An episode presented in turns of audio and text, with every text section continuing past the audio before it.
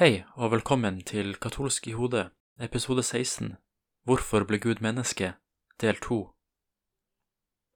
Mitt navn er Øyvind Evenstad, og dette er programmet der vi ser på ulike temaer fra et katolsk perspektiv som bygger på tro og fornuft.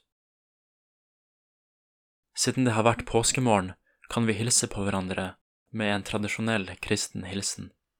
Kristus er oppstanden. På dette svarer man, ja, han er sannelig oppstanden. I forrige episode var jeg på vei gjennom Den hellige Anselm sitt klassiske verk om forsoninga, Cor Deus Homo, eller Hvorfor Gud ble menneske. I denne episoden skal jeg gjøre meg ferdig med satisfaksjonsteorien og gå videre til teorien om såkalt strafferettslig substitusjon, på engelsk penal substitution, som har vært vanlig i protestantisk teologi siden reformasjonen. Jeg var kommet til det Anselm sier i kapittel seks av verket sitt. I neste kapittel kommer Anselm med en kritikk av den klassiske forsoningsteorien, slik den ofte blir forstått, eller kanskje misforstått. Han skriver Jeg ser ikke kraften i dette argumentet som vi er vant til å bruke, at Gud for å frelse menneskeheten, så å si var nødt til å prøve seg mot djevelen i en rettferdighetskonkurranse, slik at da djevelen skulle ta livet av det vesenet, Jesus, som det ikke fantes noe som fortjente døden i, og som var Gud, skulle han, djevelen, med rette miste sin makt over syndere, og at hvis det ikke var slik, ville Gud ha brukt utilbørlig makt mot djevelen, fordi djevelen hadde rettmessig eierskap over mennesket. For djevelen hadde ikke grepet mennesket med vold, men mennesket hadde av fri vilje overgitt seg til ham. Dette er ikke egentlig en kritikk av Kristus Victor-teorien i seg sjøl, men en variant av den, som taler om djevelens såkalte rettigheter overfor mennesket. Anselm fortsetter. For mennesket fortjente straff, og det fantes ingen mer passende måte for ham å bli straffet på enn ved den skapningen til hvis han hadde gitt sitt samtykke til synden, det vil si djevelen. Men å påføre straff var ikke noe fortjenstfullt for djevelen. Tvert imot var han enda mer urettferdig i dette, fordi han ikke var ledet til det av noen kjærlighet til rettferdighet, men ble drevet frem av en ondsinnet impuls. For han gjorde ikke dette på befaling fra Gud, men Guds ufattelige visdom, som heldigvis også styrer ondskapen, tillot det. Og det er min mening at de som tror at djevelen har noen rett til å holde på mennesket, kommer til denne troen ved å se at mennesket med rette blir utsatt for djevelens plager, og at Gud i sin rettferdighet tillater dette, og derfor antar de at djevelen med rette påfører dem. Anselm går videre i diskusjonen med sin elev, som spør han hvilken rettferdighet finnes i at han, Jesus, som var den mest rettferdige av alle mennesker, måtte lide og dø for synderen? Hvilken mann ville ikke selv bli vurdert som verdig fordømmelse dersom han dømte den uskyldige for å frigjøre den skyldige? Til dette gir Anselm følgende svar. Gud Faderen behandlet ikke dette mennesket slik du ser ut til å anta, ei heller dømte han den uskyldige til døden for den skyldige. For Faderen påla ham, Jesus, ikke å lide døden, eller tillot ham å bli slått i hjel mot hans vilje. Snarere utholdt han døden uoppfordret for menneskenes frelse. Her ser vi antydningene til det som skulle bli en klar kontrast til det protestantiske eller reformatoriske synet på Kristi forsoning, teorien om såkalt strafferettslig substitusjon. Gjennom middelalderen ble konklusjonene fra Anselm videreført og bearbeida, og den katolske læresetninga som dette resulterte i, kan kort oppsummeres som følger. Kristus ofra seg til Faderen som en uendelig satisfaksjon i den syndige menneskehetens sted. Verdien av hans offer motbalanserer syndens krenkelser mer enn det som er nødvendig. Med rettferdighetens orden gjenoppretta og Faderens vrede stilna, er Gud fornøyd med å tilgi menneskeheten for deres synder. Det var blant annet den hellige Thomas Aquinas som videreutvikla den katolske forsoningslæren. Ifølge Aquinas blir ikke Kristus straffa av Faderen for menneskets synder, slik som er tilfellet i den protestantiske teorien om strafferettslig substitusjon. Jesu liv og død blir snarere gitt som et offer til Faderen, og Faderen godtar dette offeret som tilstrekkelig satisfaksjon for menneskets synder. Kristus er vår øverste prest, som har båret seg selv fram som et lyteløst offer for Gud. Hebreerne 9, 14.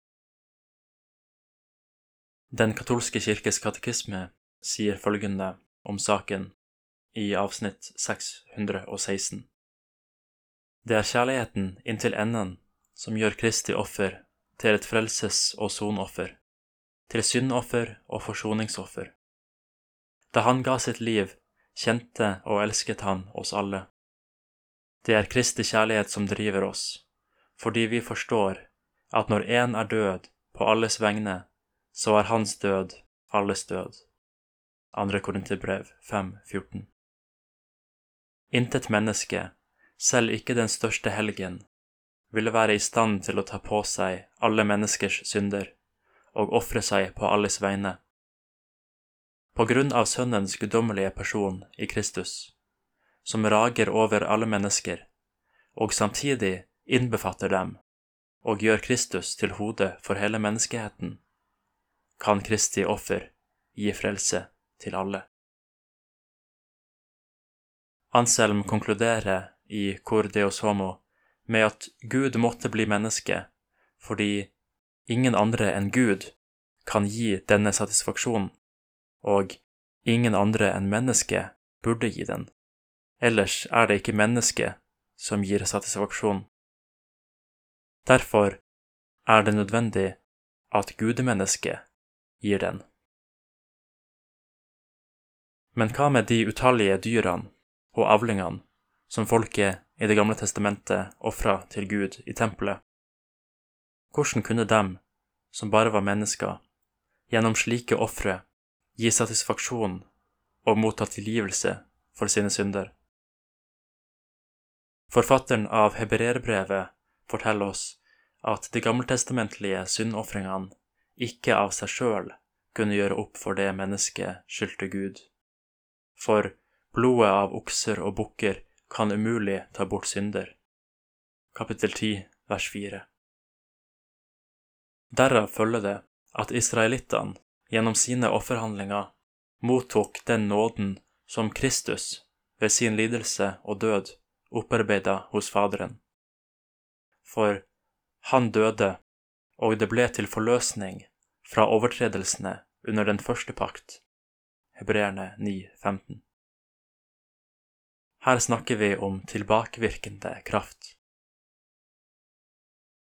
Det var altså ikke selve offerhandlinga men det handlinga symboliserte, som ble kilde til nåden fra Gud. Man kan faktisk si at kirkens syv sakramenter virker på samme måte. Gjennom dåpens sakrament mottar vi den frelsende nåde, som frigjør oss fra arvesynd, og alle videre sakramenter tjener enten til å gjenopprette eller styrke denne nåden. Likevel er det ikke selve sakramentshandlinga men Kristi offer, som gjør denne nåden tilgjengelig for oss.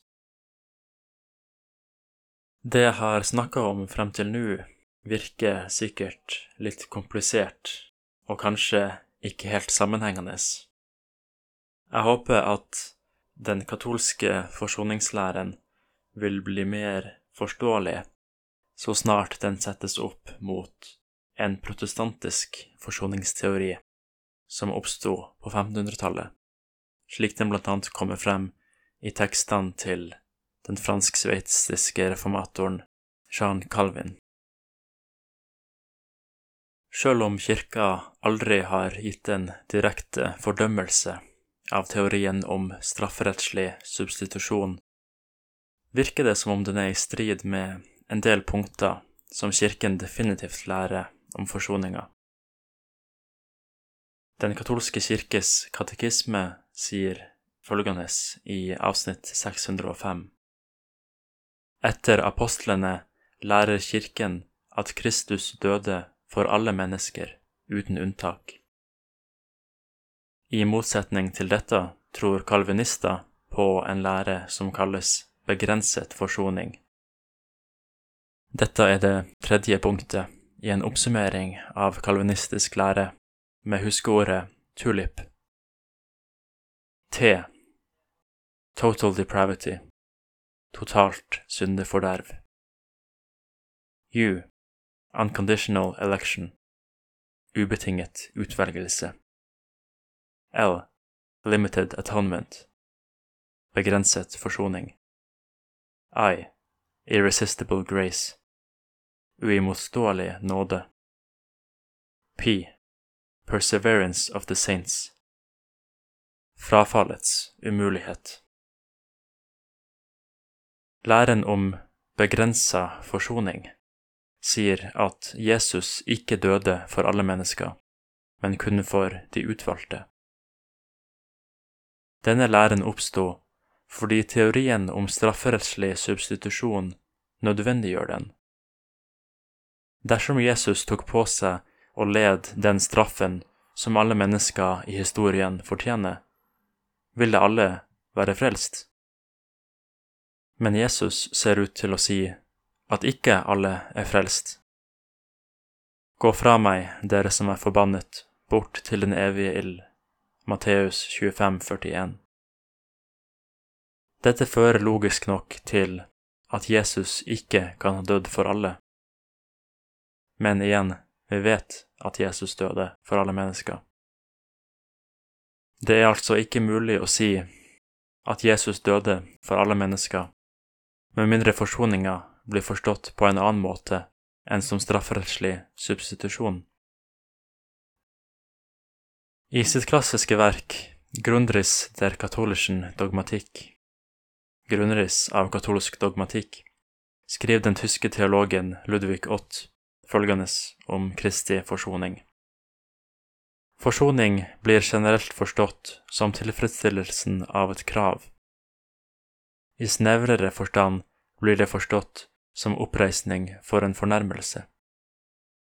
Dette skjer gjennom en frivillig ytelse som veier opp for urettferdigheten som er begått. Dersom en slik ytelse, gjennom sin iboende verdi, fullstendig veier opp for skyldens alvorlighet, i tråd med rettferdighetens krav, er forsoningen tilstrekkelig eller av full verdi.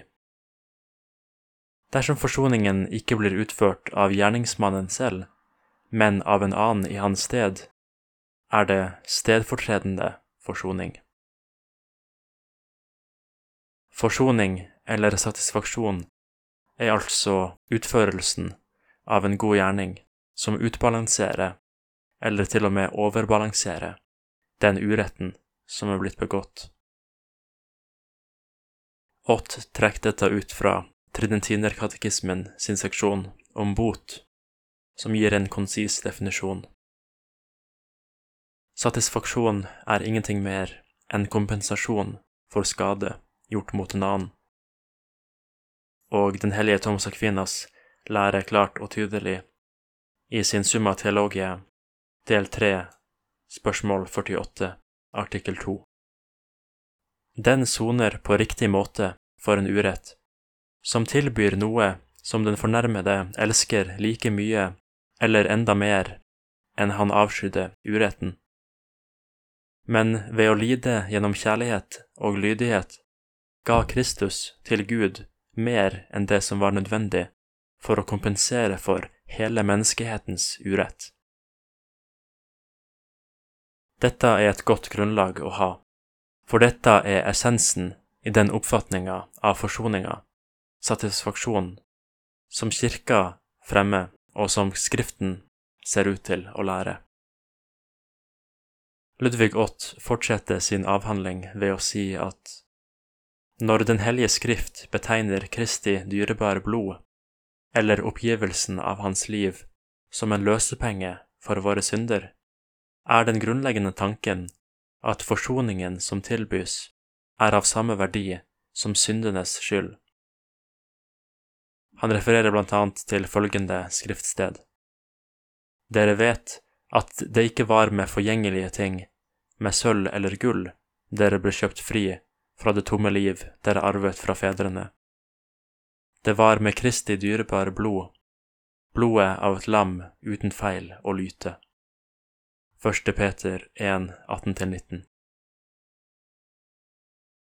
Tridentinerkatekismen sin leksjon om fjerde artikkel i den apostoliske trosbekjennelse sier prisen som han betalte for vår gjenløsning, var ikke bare tilstrekkelig og lik vår skyld, men overgikk den langt.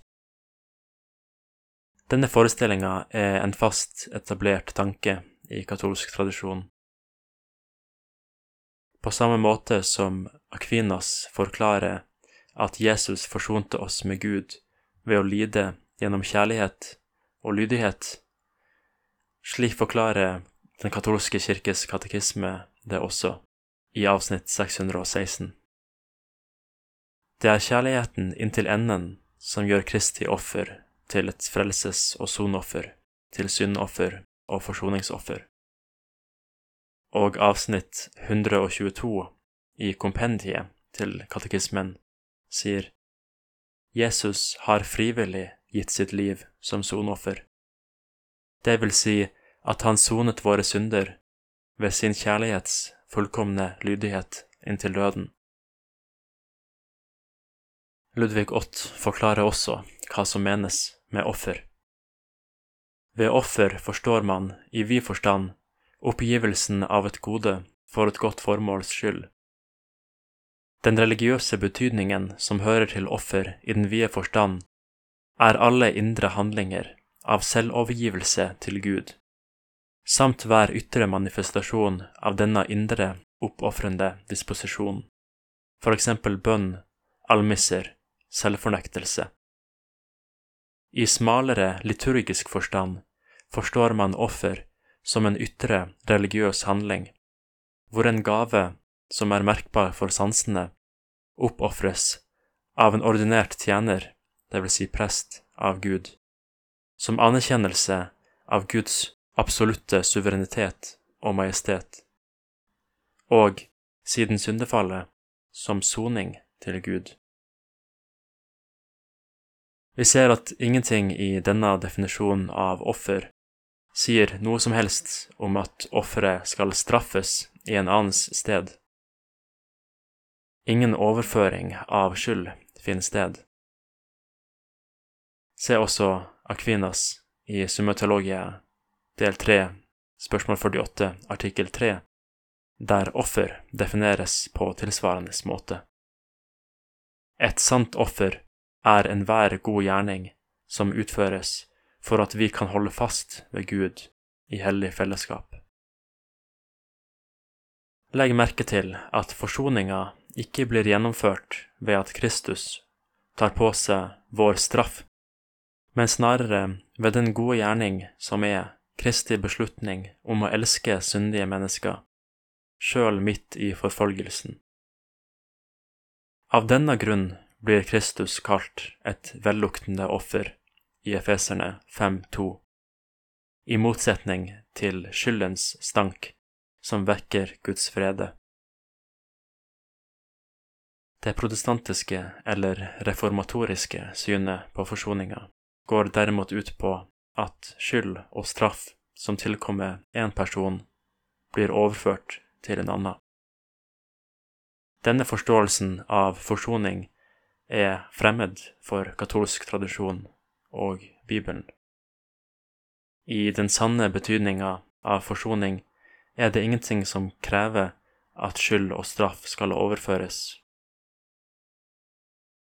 Dette forklarer også hvorfor den katolske litteraturen snakker mer om Kristus som ofrer seg opp til Faderen, mens den protestantiske litteraturen snakker om Guds frede som tømmes ned over offeret. Jeg håper du har fått noe ut av både denne episoden og den forrige. Jeg er klar over at dette er et stort tema, og jeg har ikke kunnet gå altfor mye i dybden. Uansett hvilken forsoningsteori man mener er riktig, kan man i hvert fall enes om den sentrale sannheten, nemlig at Jesus Kristus er vår frelser. Og det er dette vi feirer i påsketida. Jeg kommer til å ta en liten pause fra å lage katolsk i hodet, men jeg håper å være tilbake på Sankt Rita Radio en gang i framtida. I mellomtida vil jeg gjerne få høre fra lytterne om hvilket tema dere vil at jeg skal snakke om, og jeg vil prøve å invitere gjester til programmet når det blir litt enklere med reglene rundt besøk osv. Mitt navn er Øyvind Evenstad, og til neste gang ønsker jeg deg ei velsigna påsketid. På gjenhør.